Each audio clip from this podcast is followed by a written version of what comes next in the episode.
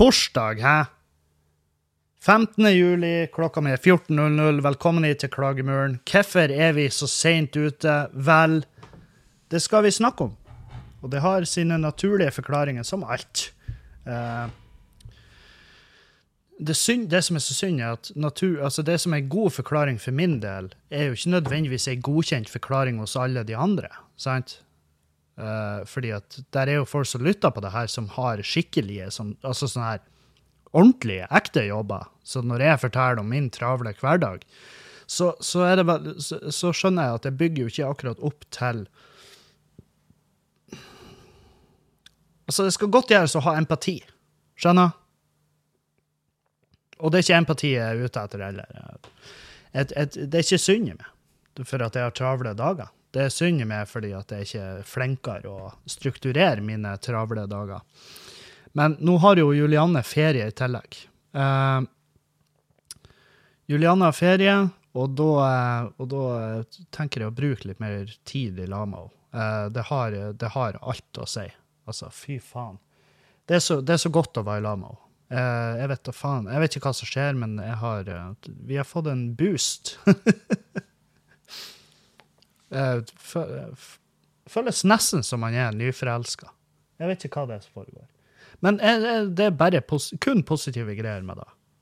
Men ja, så i neste uke så tror jeg ikke det blir noen podkast, for da skal vi til Bergen. Whoop, yes, da skal jeg og det nydeligste mennesket i hele verden, Juliane, vi skal nedover til Bergen og besøke venner, og blir jo der hele uka. Så, så podkasten i neste uke og uka etter blir eh, Om det blir noe av, så blir det bare noe smått. Kanskje jeg får spille inn noe med en komiker i Bergen. Det går an. Vi får se. Eh, men herregud. Gud, hvor jeg elsker kaffe. Fy faen! Åh. Jeg fjerna meg selvfølgelig av hensyn til dere som ikke liker svølle og smattelyder, så fjerner jeg meg fra mikken når, når jeg drikker kaffe. Uh, som jeg føler er en sånn der uh, jeg føl, Det er ikke en sånn skulle bare mangle-sak. Det her føler jeg er en sånn sånn ekstraservice vi yter her hos oss i Klagemuren. Uh, til ære for dere, sånn at dere skal slippe å sitte og sitter og pines og høre på at jeg sitter og mm, sant? Det, det er horribelt å høre på. Jeg skjønner det. Um, men jeg drikker veldig mye kaffe, og den eh, er altså så jævlig viktig for meg. Det er livsgnist. Eh, det er mål og mening. Det er en følelse av å være voksen. Og kaffe er virkelig den greia som går på tvers av alle. Altså, det er religioner. Eh, hvor er du i sjiktet? Altså, om du er milliardær, eller om du er en blakk, ekkel kuk sånn som meg, så drikker du kaffe, og du føler det. I de sekundene så er du en likemann.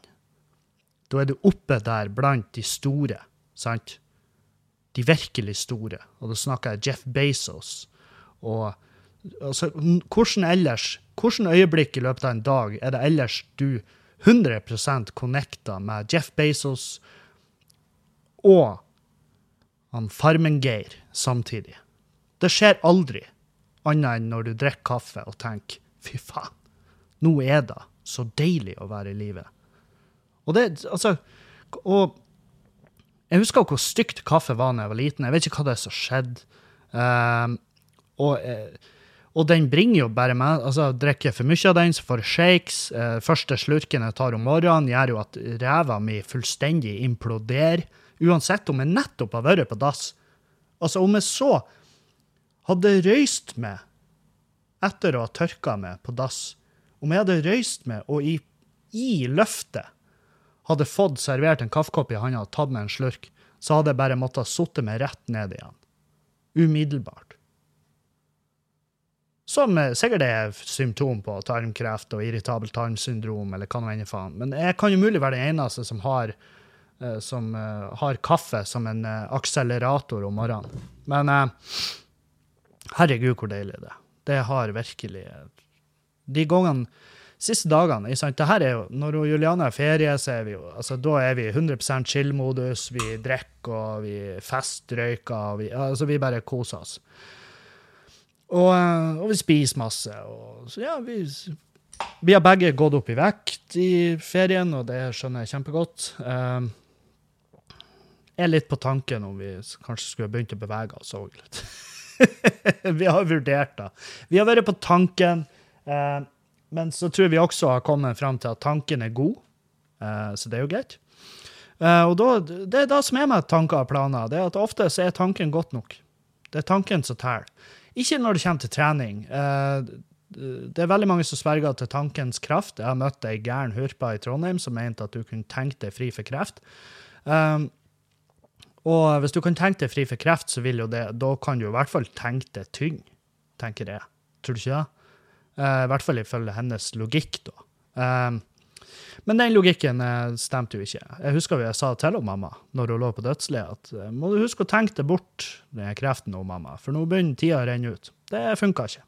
Det viste seg at granolaolje og en positiv innstilling er ikke nok bestandig. Uh, oi, bekmørkt. Hvorfor ble det så mørkt? Jeg har ikke peiling. jeg, har, jeg har de siste dagene hatt altså, tankevandringer som er helt sinnssyke. Og det er godt, det òg. Jeg syns det Jeg har vært veldig kreativ. Jeg har masse, sånn, uh, masse sånn nye ting uh, som kommer opp når jeg er i de her, de kreative ukene mine. Sånn, sånn sett. Uh, så har jeg mye sånne ideer som jeg skriver ned, og så ser jeg om jeg kan jobbe videre på de. sant? og og som får meg til å tenke positivt på fremtida sånn standup-messig, sjøl om at Sjøl om at den har vel aldri sett mer, eh, mer eh, i fare ut, med tanke på at vi ikke rakk fristen for å søke om turnéstønad osv.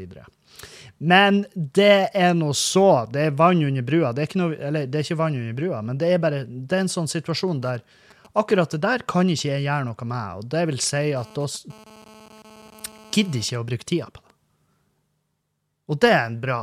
Hvis det er noen som jeg skal gi dere tips, uh, som er faen meg det mest uh, Altså, det er det mest pompøse, mest uh, klisjéaktige tipset jeg kan gi, men det er virkelig en greie jeg må minne meg sjøl på.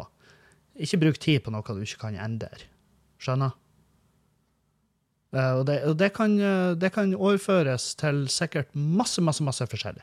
Folk som Eh, om du er i et arbeid du ikke trives i, hvis du er i et forhold du ikke trives i, hvis du er i uansett situasjon du ikke trives i. Hvis du er feit og ikke trives med det, så er det egentlig bare å slutte å være det. Selvfølgelig, det ligger jo masse arbeid bak. Det er, det, det er ikke så svart-hvitt. Men uh, det eneste som sitter inne med nøkkelen til å gjøre det arbeidet, det er du. Du er din egen største motivator, og du er din egen største fiende. OK? Det er ingen som vil det mer vondt enn deg sjøl når du er på ditt verste. Husk da. Sant? Så uh, Hva vi skal prate om? Jo, jeg må få lov å takke for alle positive tilbakemeldinger etter uh, den veldig, veldig åpne, veldig mørke, veldig nakne, veldig rå episoden jeg hadde sist. Um, det var jo noe som var nødvendig. Jeg måtte få det ut, og det var jo ikke så jævlig mye humor der, men men, uh, men, det er en del av gamet her på det, i det her podkastverdenen, det at dere skal få et innblikk i hvordan, jeg, hvordan jeg tenker, hvordan jeg har det, hvordan jeg, res, altså, hvordan jeg reflekterer. Um, og jeg har fått mye positive tilbakemeldinger på det. Um, så det takker jeg for.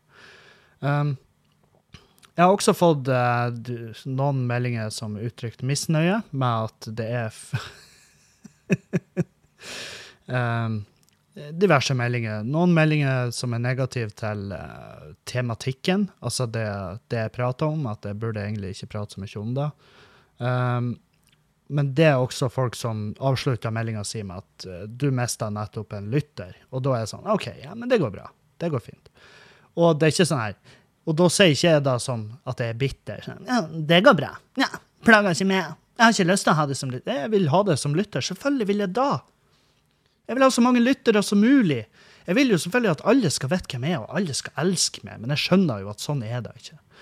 Og hvis en lytter hører på denne podkasten, hører at jeg prater om at jeg og Julianne har et uh, inkluderende forhold, og tenker at det, nå er det faen meg nok, så er det en kjempeærlig sak.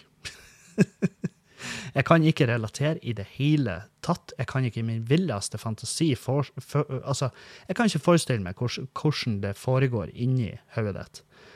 Uh, men det er en ærlig sak.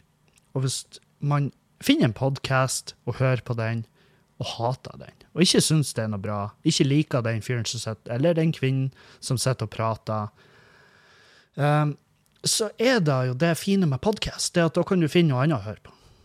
Og, det, og, jeg vil ikke at folk skal sitte og bli holdt gissel av min podkast. Det, det, husker jeg når jeg starta med podkasting, så var det jævlig artig. Det var, det var eh, å spørre ikke sant, venner og bekjente ja, hva syns om dagens episode, og de bare 'fy faen, det var så fette bra', uh, elsker at du prater om det der, og det, den historien var jævlig artig, og den historien husker jeg. ikke sant, sånn der. Og så går det en måned, sant, så er sånn 'ja, hva syns du om dagens episode'? Ja, nei, det var, uh, det var bra, da. Godt jobba. Og, og, ingen eksempler eller noe. Uh, og så et par måneder etter der igjen så ja, så hørte du episoden i dag? Nei, det, jeg har ikke hørt på flere måneder. Sant? Og det er en, og det er kjempe Jeg skjønner, men jeg syns det er kjempeartig å følge med hvor lenge noen holder seg, og hvor lenge det går for noen detter av.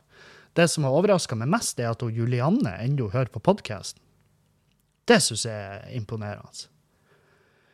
For eh, Ja, altså jeg, jeg, hører jo ikke på Erlend sin. Han hører ikke på min. Um, jeg hører av og til på Dag sin, men det er sånn bare for å høre om jeg blir nevnt. uh, og så uh, og så Nei, så, så, det Jeg forventer jo ikke da noen. Jeg forventer jo ikke at noen skal høre på det her hvis de ikke finner det interessant. Um, så takk for de meldingene, men jeg, altså, jeg, jeg, kan ikke gjøre så mye enn å ønske deg lykke til videre i søken etter den podkasten som er best for det. Um, hvor, har det skjedd noe mer i tilbakemeldinger etter artikkelen? Ja, selvfølgelig. Vi har fått en del meldinger på Fetlife-profilen vår. Folk som uh, både syns det er ekstremt bare ve veldig bra artikkel, og folk som selvfølgelig har lyst til å møtes. Um, det fine er jo at vi uh, jeg har sagt det i et par sånn uh, vitsesammenheng, men det fine er at vi får jo ikke drop-in-gjester lenger. Etter å ha Folk har jo inntrykket nå av at vi, uh, at vi driver et horehus her. sant? Det er jo det, den trekninga de gjør. Så nå ringer jo folk på forhånd og sender meldinger. Bare, 'Hei, hva dere gjør i kveld? Skal dere, uh, hva, hva dere gjør i kveld?' Vi lurte på om dere vil ha noe, noe påkledd besøk. At det blir sånn uttrykk vi bruker her i huset. Eh, hei, dere er hjertelig velkommen til en, eh, til en uh, ikke-seksuell uh, aften med, med godt glass vin og monopol og kokkeli munke. Sant? Så, så det Vi har vi helst på naboene i går. Jeg var jævlig spent på de, fordi at naboene våre de er veldig hyggelige. Eh, veldig ordentlige folk. Veldig gamle. Eh, sånn Nei, jeg vet ikke hvor gammel. Høvelig gammel, sant? Og, um, og, hvis det er noe, så er det jo den eldre garden vi har, vi har forventa at de skulle ikke finne seg i det her. Sant? Og det er veldig mye eldre folk som har uttrykt misnøye i kommentarfeltet til saken med hvordan vi velger å leve livet vårt. Og jeg har forventa det, for det her er gammelskoler. Altså, de er oppdratt, de har gått i kristen skole, og de, altså, de har fått eh, de her verdiene trødd i halsen gjennom hele livet sitt. Så jeg kan ikke forvente all verden av de.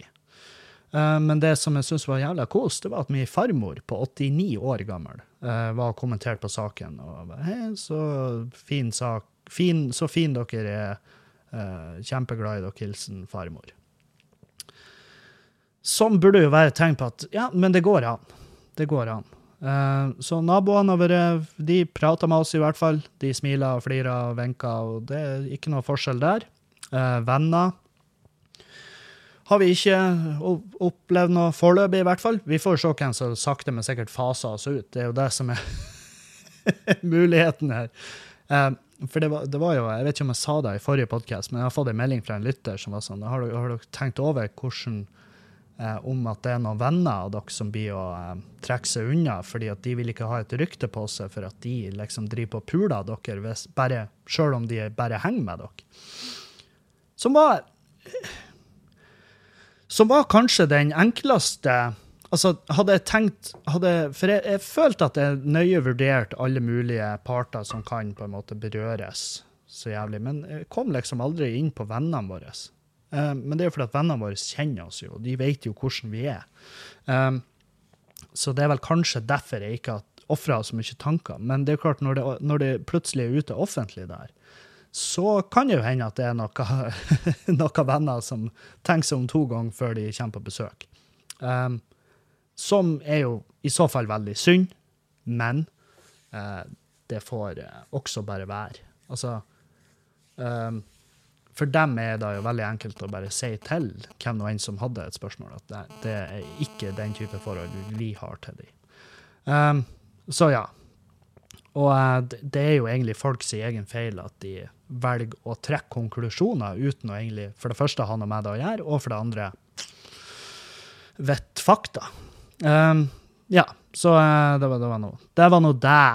Uh, det er jo Nå skal dere høre forrige uka for vår del. Jesus Christ, for ei uke. Altså Og Juliane gikk jo av ferie på tirsdag. Tirsdag var hun ferdig på jobb, uh, og da var det ferie. Sant? Og da bare går vi u... Altså rett i chill-modus. Så vi chilla beinhardt tirsdag og onsdag. Torsdag har jo Juliane bursdag. Det her er forrige uke, sant? Torsdag i forrige uke og bursdag. Så vi feirer. Vi feirer, vi drikker og vi koser oss, har det dritfett. Eh, fredag så har vi bursdagsfeiring nummer to, hvor vi drar ut og spiser. Først drar vi på Lyst på og setter oss i sola drikker vin. Så drar vi på Bølgen og Moi og bestille oss mat og vinpakke. Faens oldemor. Um, fantastisk. Bølgen og Moi i Bodø. Ja, tommel opp. Uh, vi vi mollkosa oss um, på den fredagen der, da. Og så um, På lørdag så var det tidlig, tidlig opp, og um, derfor er jeg veldig glad vi avslutta når vi gjorde på fredag. For dæven, når når jeg brøt opp øynene mine altså De var så gjengrodd. Du vet når du får sånn her eh, sånn der størkna prim på øynene. Sånn her øyekrokan, som jeg kaller det. Eh, som bare gror att øynene dine. For jeg har søvna med linsene på. Så jeg våkna meg da på lørdag, og eh, så jeg var ute i garasjen og henta en Hilti meiselmaskin og fikk rydda fram øynene mine, og så var det bare å, og hoppe i bilen og kjøre elbilen utover til svigermor og hente bilen til svigermor, så vi kunne låne den, for at vi skulle på langtur. Og hvorfor bruker vi ikke Outlanderen, Kevin, som du har leasa? Vel, fordi at den har jeg lånt bort til han Dag Sørås. Dag Sørås skulle lande i Bodø på lørdag, eh, og trengte en bil så han kunne kjøre til Sandjordnøy og tilbake på søndag. Eh, jeg hadde jo ikke planlagt så godt, så jeg hadde jo lånt bort min bil til han, og så måtte vi låne svigermor sin fossilbil, sånn at vi kunne komme oss til Svartisen. Svartisen! Nydelige, størkna, frossent vann sant, i Hollandsfjorden. Der er jeg vokst opp. Jeg vokste vokst opp på Svartisen. Mamma jobba der ei stund, og vi var masse på Svartisen da vi var unge. Vi var gikk inne på breen, og vi kosa. Svartisen, det er nice. Veldig fint der inne. Inn i helvete mye klegg. Kleggast i verden. Uh, så vi er på um, Så vi kjører innover, tar uh, skyssbåten over, trør innover til isen og brestua. Og så drar vi uh, hjem igjen. Drar vi over fjorden. Til, hjem til søstera mi og spiser middag der på Neverdal i Meløy. Og så kjører vi til Bodø. Dette er en biltur som tar to og en halv time hver vei, cirka. Um, så, um, så, vi er tilbake i Bodø og har uh, sluppet av en onkelunge på togstasjonen. Litt forskjellig sånn her. Og så er det rett på Skubaret for å, uh, for å um, sparke i gang en Terje Berg-konsert på Skubaret. Så da var vi der, rigga i full jævla fart. Lydsjekk, hoi, hoi, heim, dusj, tilbake. Og så ser jeg og Juliane skal vi se Terje Berg. Skal bare kule egget, sette oss og nyte en konsert. Vi var ganske fulle òg, altså vi var godt i gang. Like før konserten så bare smeller det i trappa. Vi sitter rett på sida av trappa. Jeg sprenger rundt hjørnet, og der er ei kjerring som har gått på eh, en godt voksen dame da, i 50-60-årene, som har mista det siste steget og knekt ankelen. Um, hun er veldig rolig, veldig hyggelig, veldig glad bit, Altså, hun er veldig glad, veldig blid. Uh, takk Gud for adrenalin, for hun har jo tross alt knekt ankelen. Like før konserten. Så det er jo litt halloi. Jeg, jeg ringer ambulanse, og de er på tur, og jeg springer opp og åpner dører og rydder vei, og, og så videre og så videre. Kommer ned igjen, der sitter hun, har fått foten eh, elevert og fått en ispose på den. Um, så uh, all good. Så ser jeg bare Terje Berg går på scenen. Og så begynner han å liksom prate og mellomspille, klimper på gitaren. Og så skjønner jeg at å, Terje Berg har ikke fått med seg at det her har skjedd. Så jeg avbryter han Terje Berg når han begynner å spille, og sier Terje, du, det, vi har ei dame som hadde litt uhell her. Sant? Står og roper til han på scenen. Han bare Hva da? Så holder han for, sant? så lager han sånn skyggelue av handa si, fordi han har jo scenelyset rett i fjeset, så han ser ikke. Og han bare 'Går det bra?' Hun bare 'Nei, jeg tror jeg, jeg, tror jeg har brekt ankelen'. Og han bare 'Å, dæven'. Hun sitter nå der, og jeg tenkte ja, OK, da venter vi. Da blir det stilt til at ambulansen kommer. Men nei da. Hun bare 'Få nå opp litt stemning her', og han begynner å spille. Så har vi konsert. Har vi konsert mens ambulansepersonellet driver på og pakker henne inn i den bærestolen nede i kjelleren og får henne båret opp. Det, det, er veldig surrealistisk, veldig artig. Hun fikk med seg tre sanger før hun ble henta. Um, og det går bra med henne. Jeg prater med henne i ettertid. Um, så det var bare superspesielt. Uh, det, var jævlig artig. Han bare 'Er det du?' Hun sa navnet sitt, han kjente henne. Han bare 'Å, fy faen'. Ja, så lenge det går bra med det. Og så bare begynner han å spille. Så det var superspesielt.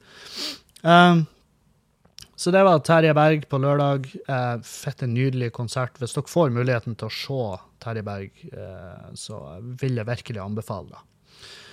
Um, så kommer søndagen. Eh, vi er jo ganske frynsete i både nerver og form.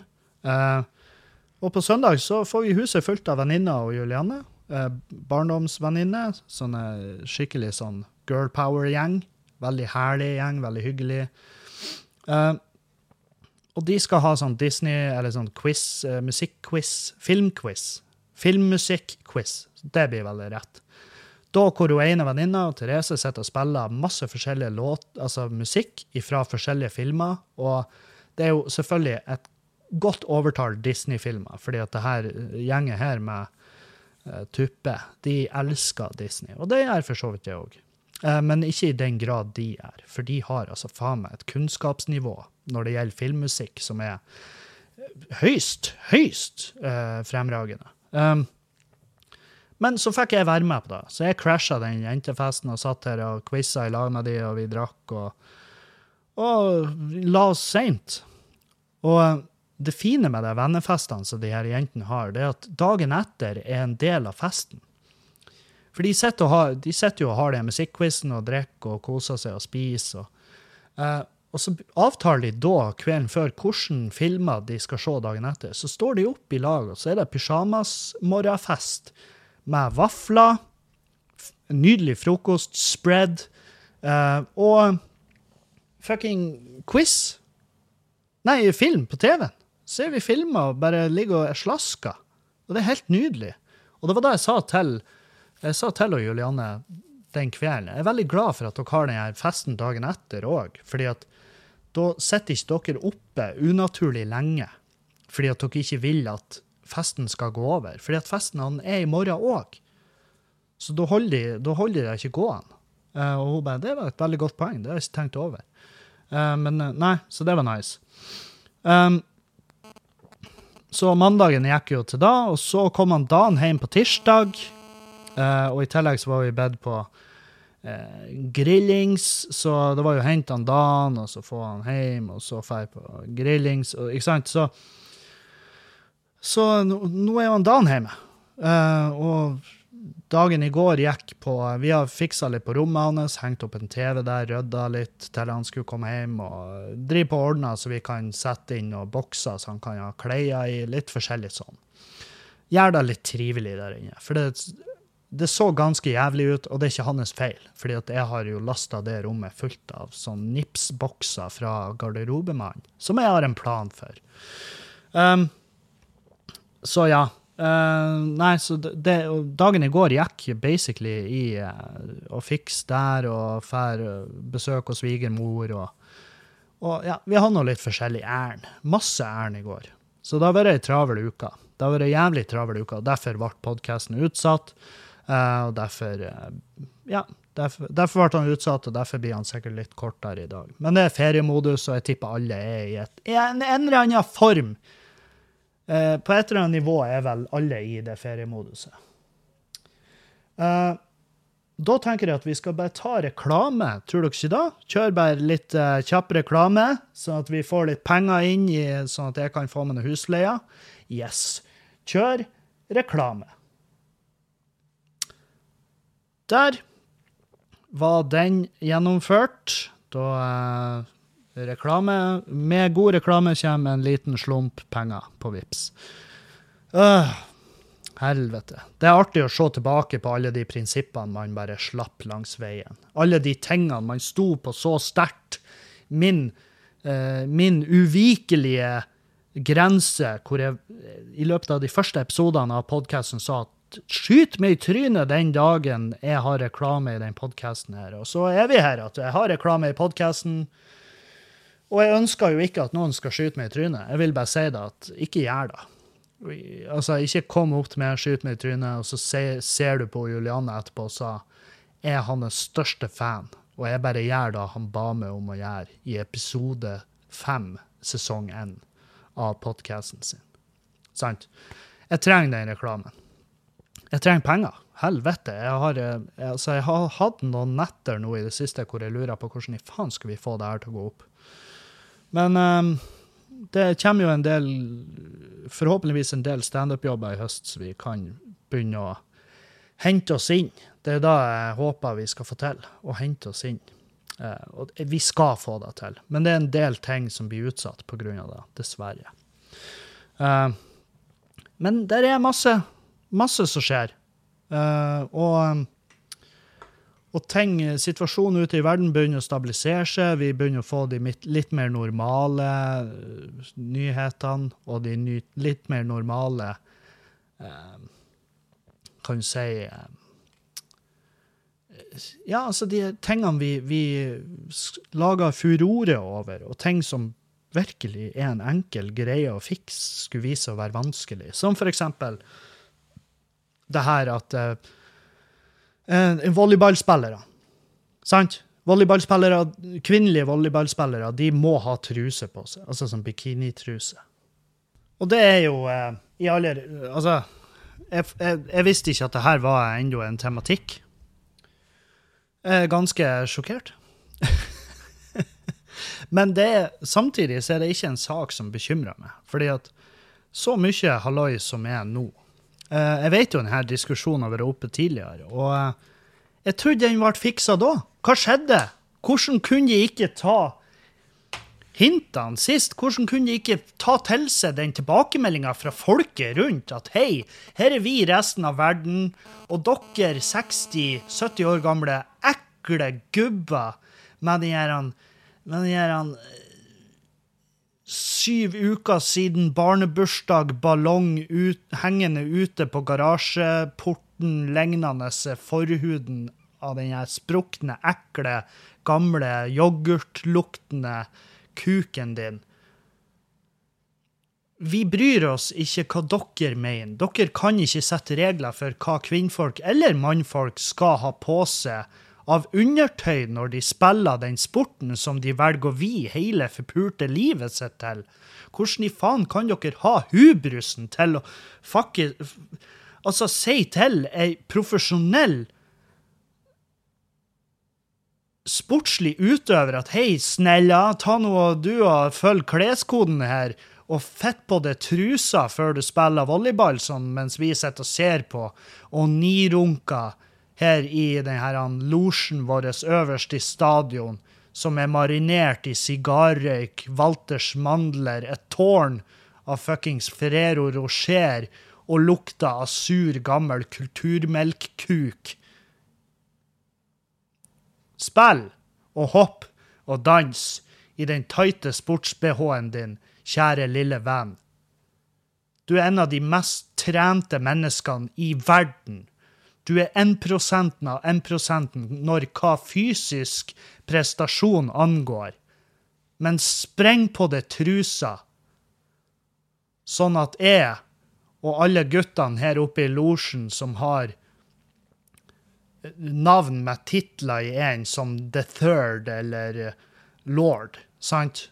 Sånn at vi kan kose oss mest mulig her vi sitter og kjemisk indusert prøver å holde en ereksjon gående mens det pipler gammel gul sæd ut av oss. Spill, baby. Spill, kjære lille venn. det er så sjukt at det ennå er sånn. Jeg syns det er helt vilt. Jeg syns det er fantastisk. For ei tid. For ei tid å være i live, tenker jeg. Hæ? Nei, fy faen. Det er jo helt Altså, det er fantastisk. Det er intet annet enn helt utrolig at det ennå er et tema. Spill nå i hva faen du vil. Og vet du, her, nå skal jeg si noe helt ærlig. Det var en sommer Uh, jeg var vel Jeg, jeg tipper jeg var 16-17 Nei, kanskje ikke så 14. 13-14. Og jeg må også nevne at når jeg var 13-14, så var jeg i aller høyeste grad viril. Jeg var i en seksuell form som var faen meg Altså, det var både modig og imponerende for en gutt i den alderen. Jeg var høyst viril. Og jeg runka i det sekundet jeg var alene i et rom. Det Det var Jeg så hvert et snitt, og det var ikke en tidsramme som var for stram for at jeg ikke skulle greie å uh, komme i en potteplante før hun mamma var tilbake fra badet. Ikke sant? Så jævla Jeg var, en, jeg var et udyr. Jeg var et utyske, jeg var en fare for samfunnet. Jeg burde ha vært i fengsel. Uh, det er sykt at det gikk så bra som det gikk. Så jævla på'n var jeg. Jeg var et jeg var et seksuelt avvik av min dyriske, ekle, ekle virilitet. Overgikk alle de andre, føler jeg. Uh, alle, alle, gutter husker tilbake på den tida og tenker at jeg var faen meg det kåteste, jævligste, ekleste mennesket i hele verden. Uh, som er helt normalt. Uh, men jeg var, jeg var, poenget mitt er jeg var ganske viril. Og da var det en sommer hvor Uh, norske kvinnelaget i, i strandvolleyball var veldig bra. Og da fulgte jeg veldig nøye med. Jeg syns det var fett å se på. Jeg syns volleyball var artig å spille òg. Liksom På den tida hadde vi sånn søndagsspilling, sånn bakfullspilling, på Samfunnshuset hvor vi var folk i alle aldre og spilla aldre og spilla volleyball inne på Samfunnshuset. Vi syntes det var fett. Derfor fulgte jeg også med på volleyball. Kvinnelandslaget i Norge gjorde det knall, eller om det var sånn duolag, at de var to, eller om de var fullt lag, det husker jeg ikke. Men det var i hvert fall kvinnfolk. Og jeg så på de spill, og jeg tenkte Jeg satt aldri med kuken i hånda. Det var aldri noe seksuelt for meg. Da. Uh, nå når jeg ser bildene uh, fra det, ikke det samme laget, jeg tror de har gått videre og funnet seg andre jobber, uh, de som spiller da, men, men jeg, jeg, skjønner hvor det kommer fra. poenget mitt er at jeg gjorde meg aldri en tanke på at jeg syntes det var rart at de spiller i undertøy. Jeg gjorde meg heller aldri tanken at det var sexy. Jeg bare syntes det var et bra spill, liksom. Um, og det er jo gjerne den eh, og, og det er jo gjerne det argumentet du hører for at de skal spille med de der klærne. Å, det, det sørger for maks mobilitet. Vel, nei. Jeg tror, jeg, jeg tror ei jente i en uh, sånn her shorts, en tight shorts, jeg tror det vil gi den mest hvis jeg skal, Nå tenker jeg ren ergonomi her. Jeg ser for meg at det er det som kan gi mest bevegelighet. For jeg ser for meg en løs shorts, at den lett havner i halaien hvis du går ned i en spagat eller noe sånt uh, unaturlig. Uh, det har skjedd. Til og med jeg har prøvd meg på en spagat i volleyballspilling, så det skjer. Um, nei, jeg ser for meg en tight shorts med lange altså med en tight shorts som går ned til knærne ca., og, og, så litt opp på magen. Uh, den godt trente magen. Som du gjerne har hvis du er i landslaget for volleyball. Jeg, jeg derimot hadde neppe kledd en sånn shorts like bra.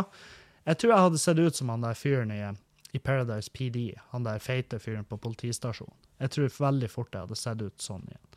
Vi kan gjøre noe funny av det. Vi kan prøve å skaffe med en sånn shorts, ta et bilde, og så kan jeg søke om å få lov å være med i landslaget.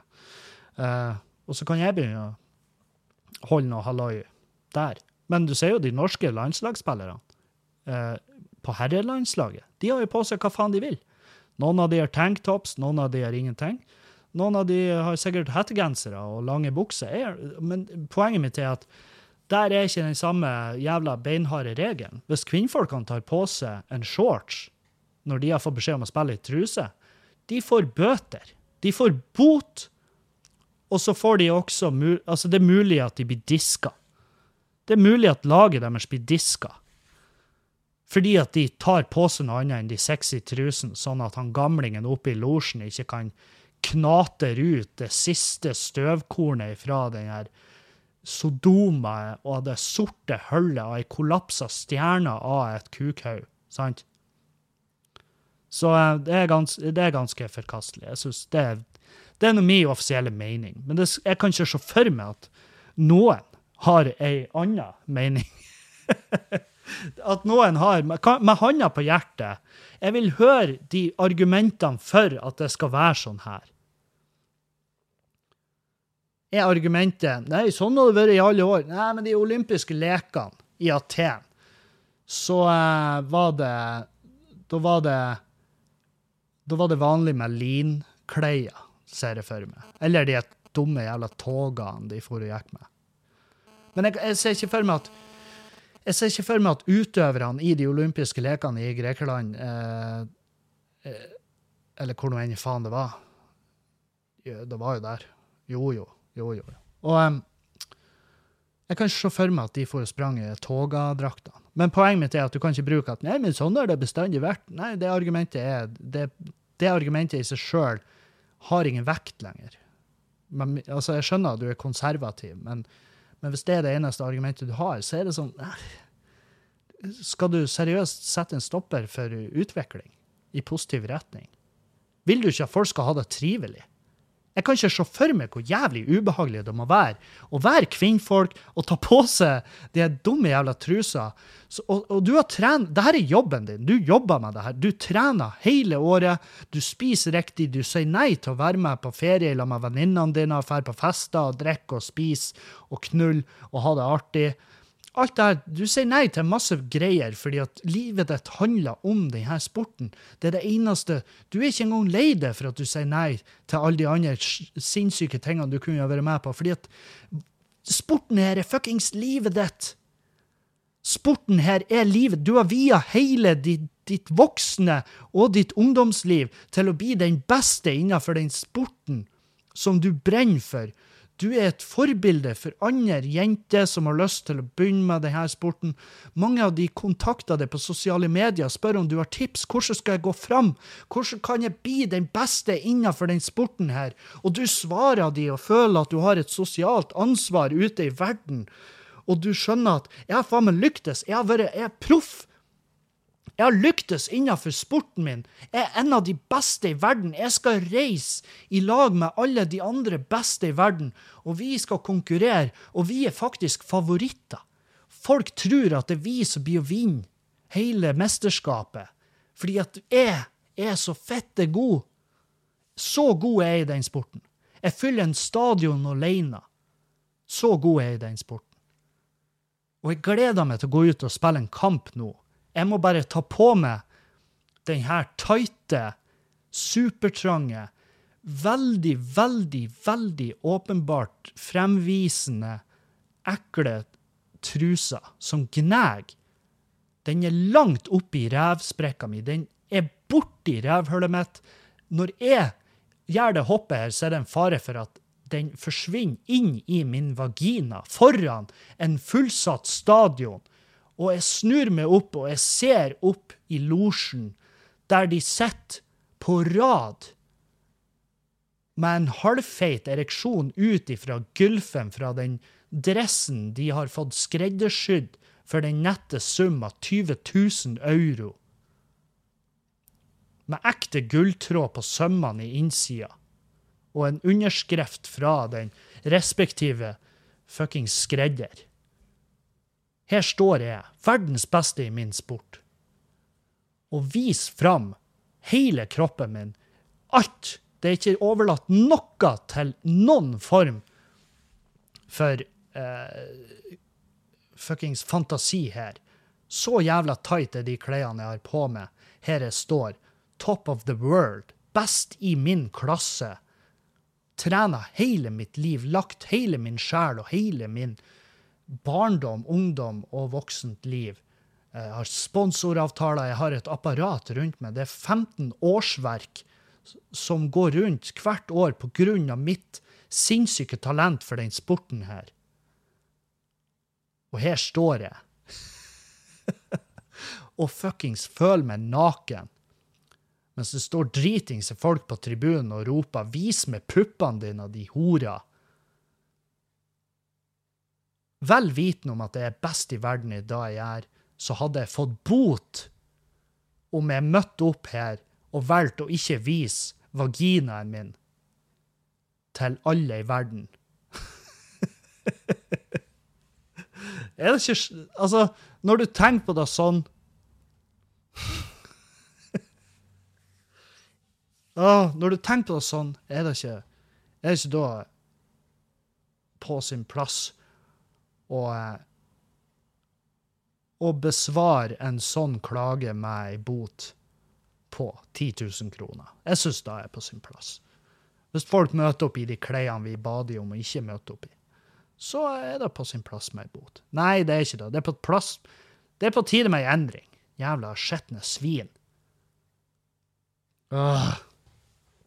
Og jeg vet det sparker opp vidåpne dører. Jeg bare syns det var en artig jeg synes det var en artig uh, rant der. Jeg, jeg kom i sona. Jeg syns den var fin. Um, på tampen av uh, sendinga så jeg får et spørsmål fra en lytter som, uh, som uh, har spurt mye forskjellige spørsmål om den tida mi med, med drugs. Um, og om det var en Om jeg kunne nevne noe som ikke hadde med overdose altså overdose å gjøre, som jeg ikke savna. Altså, hva er det mest ikke-overdoserelaterte du savner minst med doplivet. Um, og da er det liksom hva er, Og det er jo sånn her Hva er små irritasjonsmoment for det eh, på den tida du drev på med knark? Altså sånn trivielle ting som plager folk i, det, i den. Og jeg, jeg, var sånn, jeg måtte, jeg måtte faen meg tenke, for jeg syns det faktisk var et litt sånn artig spørsmål. Jeg syns det spørsmålet var litt gøy. Uh, fordi at jeg har ikke tenkt over det sånn. Fordi at vanligvis, hvis man ser tilbake på den tida folk spør meg, hva var det verste med å drive med drugs, nei, det var den kvelden jeg overdosa, og det holdt på å gå skikkelig til helvete, eller uh, de nedturene, det konstante angsten som du hadde for at du trodde Du var så paranoid at du trodde at det var folk som var ute etter det. Um, Eh, du, du lima søppelsekker for vindvann, du våkna i din egen avføring. Det er sånne historier. Men når de spør etter hva er det, hva er det mest sånn, trivielle irritasjonsmomentet du hadde med det livet som du savna minst? Og det er et veldig artig spørsmål, for da skal du liksom Da skal du gå ned på liksom eh, Nei, altså, hva, hva jeg savna minst? Eh, masse masse forskjellig sånn drit eh, som jeg savna veldig eh, lite. Neseblod. Jeg savna veldig lite å blø neseblod for ingenting. Det var jo da som skjedde. sant? Med den bruken så eh, raserer du jo selvfølgelig slimhinnene og Altså, du raserer nesegangene dine totalt. Jeg hadde jo eh, Jeg fikk jo Jeg har jo måttet operert septum, som er jo den neseskilleveggen.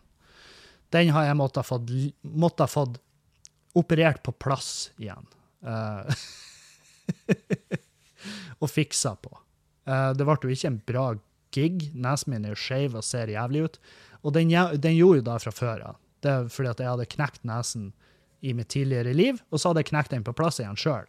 Fordi at uh, jeg tenkte at det var lurt å gjøre, og jeg hadde lyst til å drikke videre. Så det var, det var, jo ikke et nydelig håndverk. Og det var jo min fagprøvestryk som kosmisk kirurg. Det var når jeg brøt på plass min egen nese.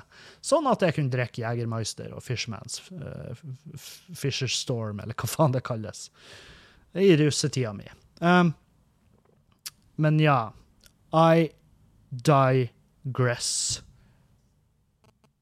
Ja, så jeg har jo måttet operert neseskilleveggen. Det fordi at det tærer sånn på det bruken av amfetamin og kokain og sant, det her jævelskapen som er virkelig ikke anbefalt til noen. Virkelig ikke. Det, og hvis du spør meg i dag, så og, Ikke sant? Weed, psykadelika, det er virkelig det, det er de tingene som jeg ikke kan Jeg kan ikke sette meg ned og si, og si at jeg ikke anbefaler. Skjønner? Uh, mens alt det her jævelskapen altså det amfetaminet, det kokainet og selvfølgelig heroinet og alt det her gærent. Bare styr. Styr unna det driten her. Jeg lover det. Det er ikke for det. Du, det blir føles der og da som at det er for det, men de nedturene, holy fuck. Nei. Og avhengighetsgraden. Det er virkelig de Det er de drugsene jeg aldri kommer til å på en måte tale retten for. Uh, jeg kommer ikke til å anbefale det til noen. og Nei. Men i hvert fall, jeg savna ikke det neseblodet, for det kom når det passa minst. Det kom gjerne når jeg betjener en kunde inne på flisbutikken jeg jobba i. Etter å ha vært våken i 36 timer. Uh, savna ikke den formen. Uh, savna ikke den formen, savna ikke den farta jeg hadde når jeg prøvde å selge inn en forskjellige ja, en, en eller annen høyklasse porselenato-ratifisert flis fra Italia, levert av uh, Terratinta eller uh, Flårgress, eller hva nå enn faen. Så står jeg og prøver å selge inn da til en kunde, og så bare ser kunden veldig rart på meg, og så sier hun 'du blør', og så renner det blod nedover fjeset mitt, uh, hvor jeg må Hvor jeg må prøve å uh, Hvor jeg må prøve å så å forklare kunden min uh, at jeg har det helt fint. Uh, jeg har det helt fint. Og um, det er ingenting rart med pupillene mine, og det er ikke noe rart at jeg bare begynner å blø nesblod midt i en setning når jeg treffer et litt vanskelig verb, eller hva nå enn. Og det er sånn trivielle eh, sånne ting som man eh, gjerne Og nå, nå, må ikke dere som lyttere tenke at det er en amfetamin eller en kokainbruker med en gang noen begynner å blø nesblod. Jeg kjenner mange som har plagdes med at de blør net, lett nesblod, men eh, på den tida det var ganske ille. Jeg husker det skjedde når jeg hadde sex òg en gang. Det bare begynte å blø nesblod ut av ingen plass. Og når lyset kom på, så så det ut som at vi hadde ofra en liten baby mellom oss, bare for å sørge for at Sørg for at det her samleiet skulle være eh, OK i, øye, i øyesynet til, jeg vet ikke, Lucifer. Um, eller Eller Eller eh, Johannessen. Jeg vet ikke. Uh, nei, så, så savner jeg veldig lite å ha med dealer å gjøre. For uh, det var liksom og for dere som aldri har hatt et forhold til en dealer, du, har, du, får gjerne det samme forholdet til dealeren din som du får til eh, barbereren din. Det, han blir lei seg, han slash hun blir lei seg hvis du går til noen andre. Eh, de, de, krever lojalitet, eh, og så får du lojalitet tilbake. Du får rabatter, du, du får nyhetsbrev. det er ikke sant, sånn der.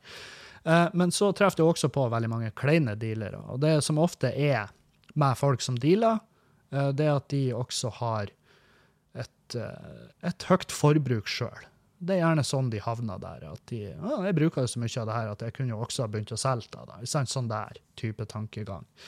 Eh, som er jo til syvende og sist det som gjør at du blir tatt. Eh, men det å ha med dealere å gjøre, er jo at altså, alle som har hatt med de å gjøre, vet at de ikke er sykt punktlige.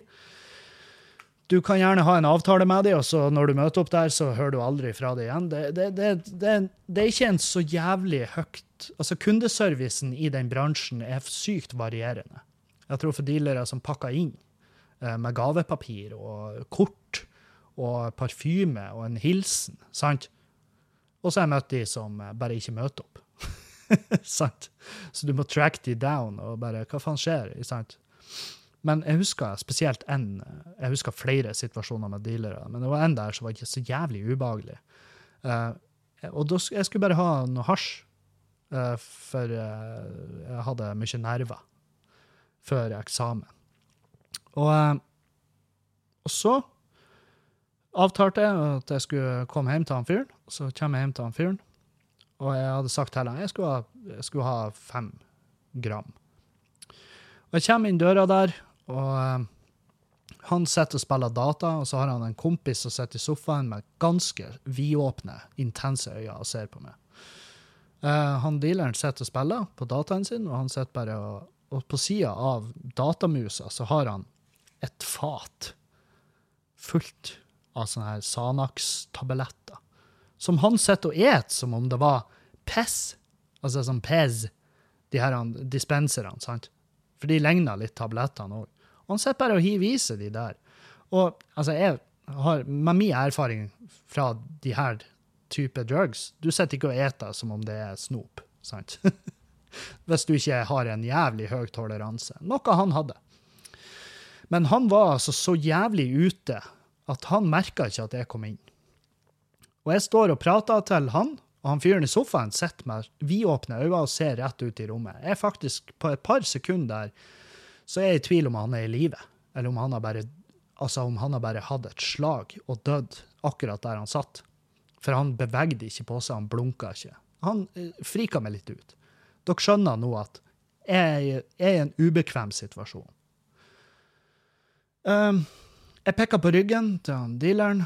Han snur seg utrolig sakte, og så ser han på meg, og så sier han 'Kevin, hva faen gjør du her?'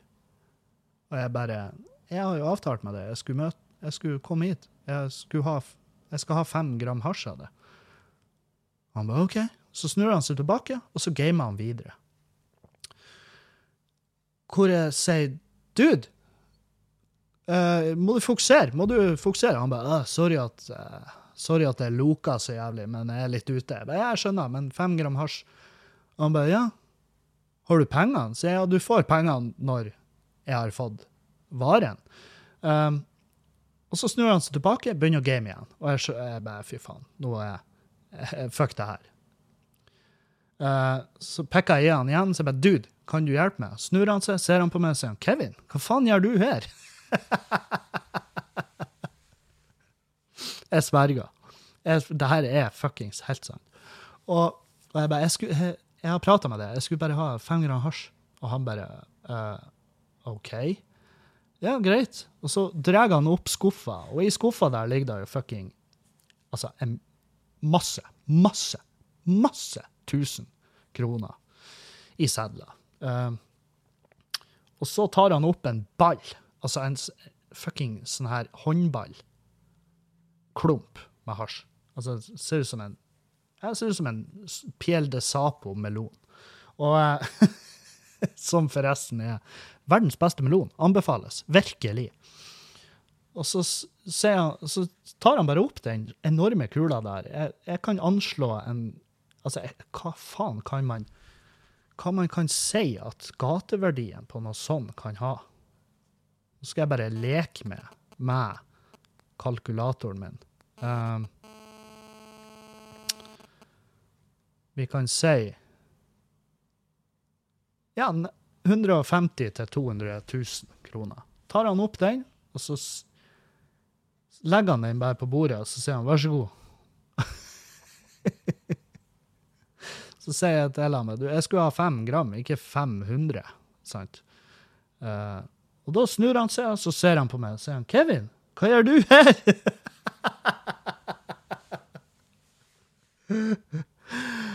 og eh, et, eh, det var et par minutter der jeg skjønte at jeg kunne ha rana de her jævlene. Altså, jeg kunne ha rana det, og de hadde ikke visst det da før dagevis etterpå. Men jeg tenker jo at jeg skal jo selvfølgelig ikke rane en dealer, for jeg, såpass vett har jeg i hodet at det gjør man ikke. Um, og han er en hygg, hyggelig dude. Jeg, unner han ikke det smellen der. For det også, hvis jeg hadde rana han, så hadde jo det resultert i hans død. Sant? Så det er, ikke bare, det er ikke bare gevinst. Du ender også opp med at du mister dealeren din. Um, så jeg sier bare OK, gutta, ha en trivelig dag. Jeg gidder faen ikke, jeg har ikke tid til det pisset her. Jeg må stikke. Så jeg snur meg og bare begynner å gå. Og da våkner den skapningen som sitter i sofaen. Og han bare Hei, du! Eh, skal du betale for det før du går? Og Jeg bare Jeg har ikke fått en drit, så jeg blir ikke å betale heller. Han bare Ja, men faen, ikke vær så sur, ikke stress, jeg kan hjelpe deg. Så jeg bare Ja, jeg skulle ha fem gram av den klumpen som ligger der. Og så går han bort, og så tar han i klumpen og så legger han på vekta, og så ser jeg på vekta at der står det 3,2. Og da sitter bare han og nistirrer på den vekta i over 20 sekunder. Før han ser opp på meg, og så sier han Hvem faen er du? Hva gjør du her?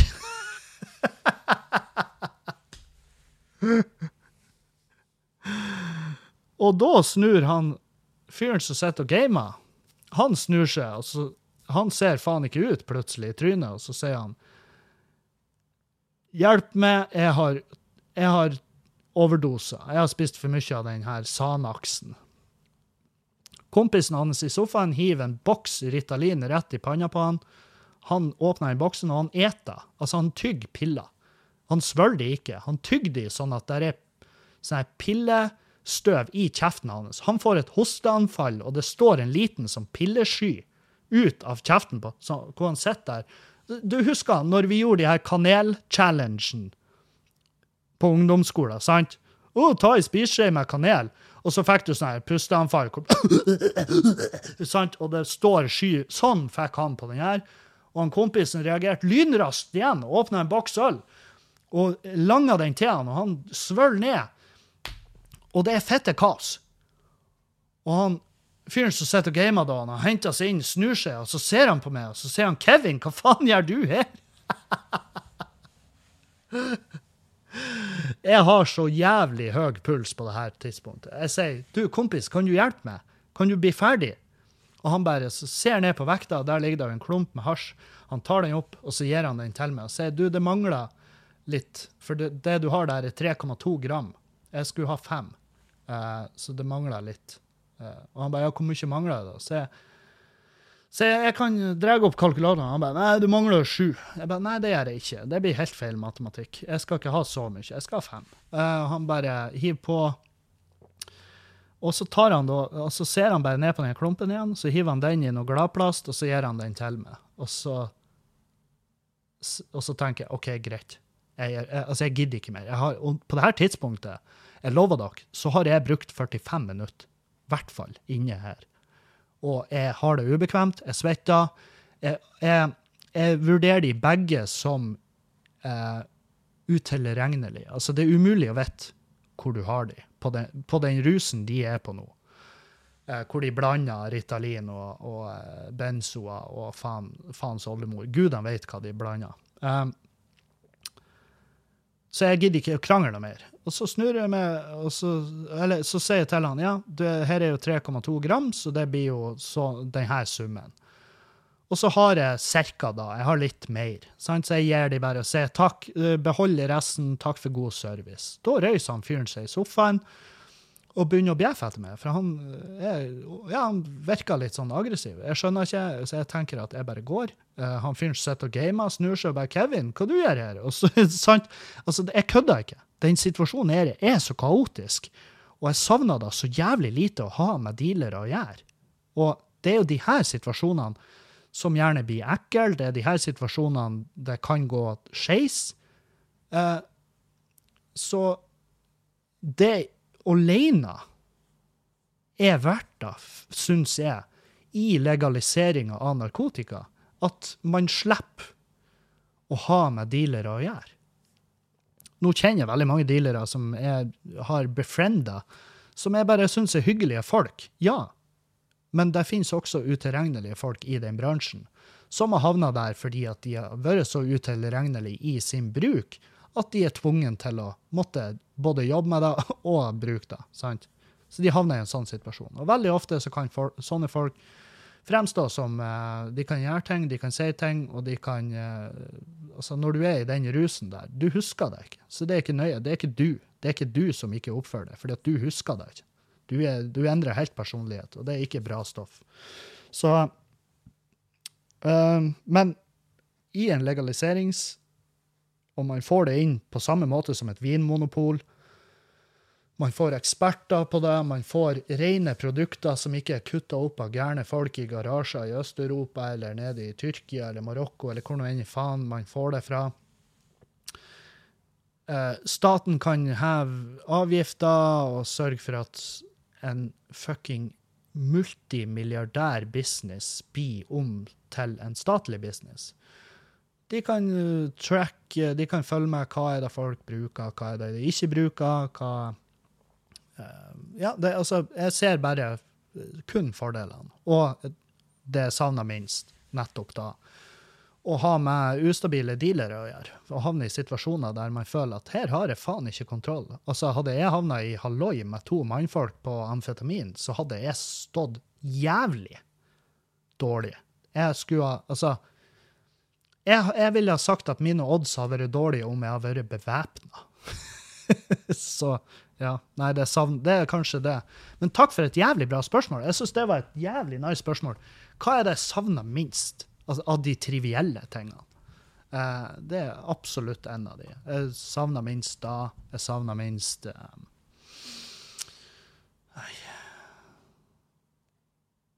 Jeg savner minst uh, de uh, løgnene for da folk var sånn Hva du gjorde i helga? Hvor jeg hadde Kunne jeg ikke fortalt hva jeg hadde gjort siden onsdag forrige uke. sant? For jeg husker virkelig ikke. Se for dere den angsten og mista ei hel uke av livet deres. Ut, og dere vet at dere har vært ute. Sant? Uh, det, det, er ikke noen nice følelse. Så uh, så, men, eh, men, jeg savna lite de løgnene, som, altså de tingene man måtte finne på. Fordi at eh, det, det var sånne type sånn ting man kunne bli tatt i og utfordra på seinere. Du sa du var der og der, men det stemmer jo åpenbart ikke. Det er faen det.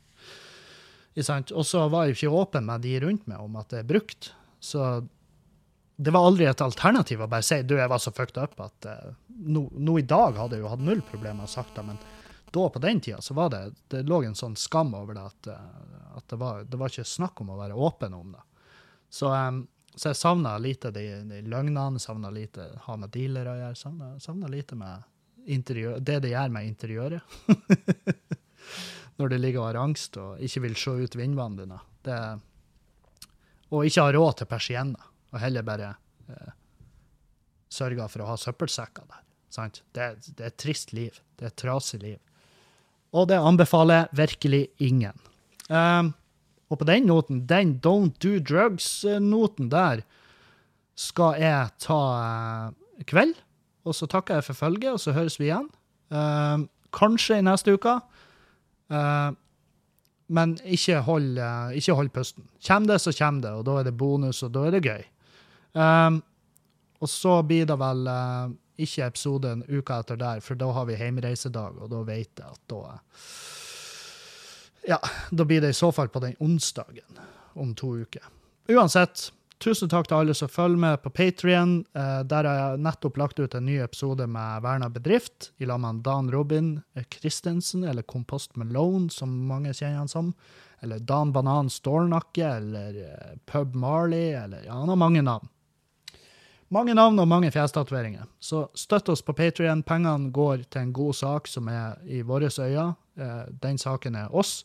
Um, og puben vår. Vi bruker stort sett alle de pengene på å holde puben og oss flytende.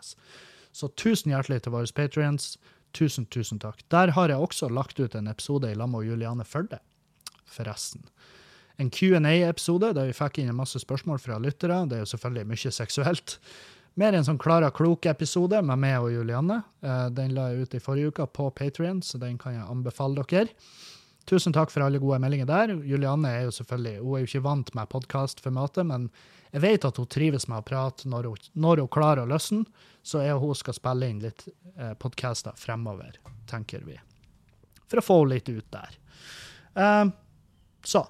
Da har jeg plugga Patrion, da har jeg plugga alt. Jeg har huska alt. Jo, eh, 30. juli skal og Dan Robin gjøre standup på Engavågen. Vi har utsatt det showet jeg egentlig skulle ha i dag. Eh, vi har utsatt det til den 30., for da er han Dan ute av karantene, og så kan han være med på, eh, på standup. Oi, ops.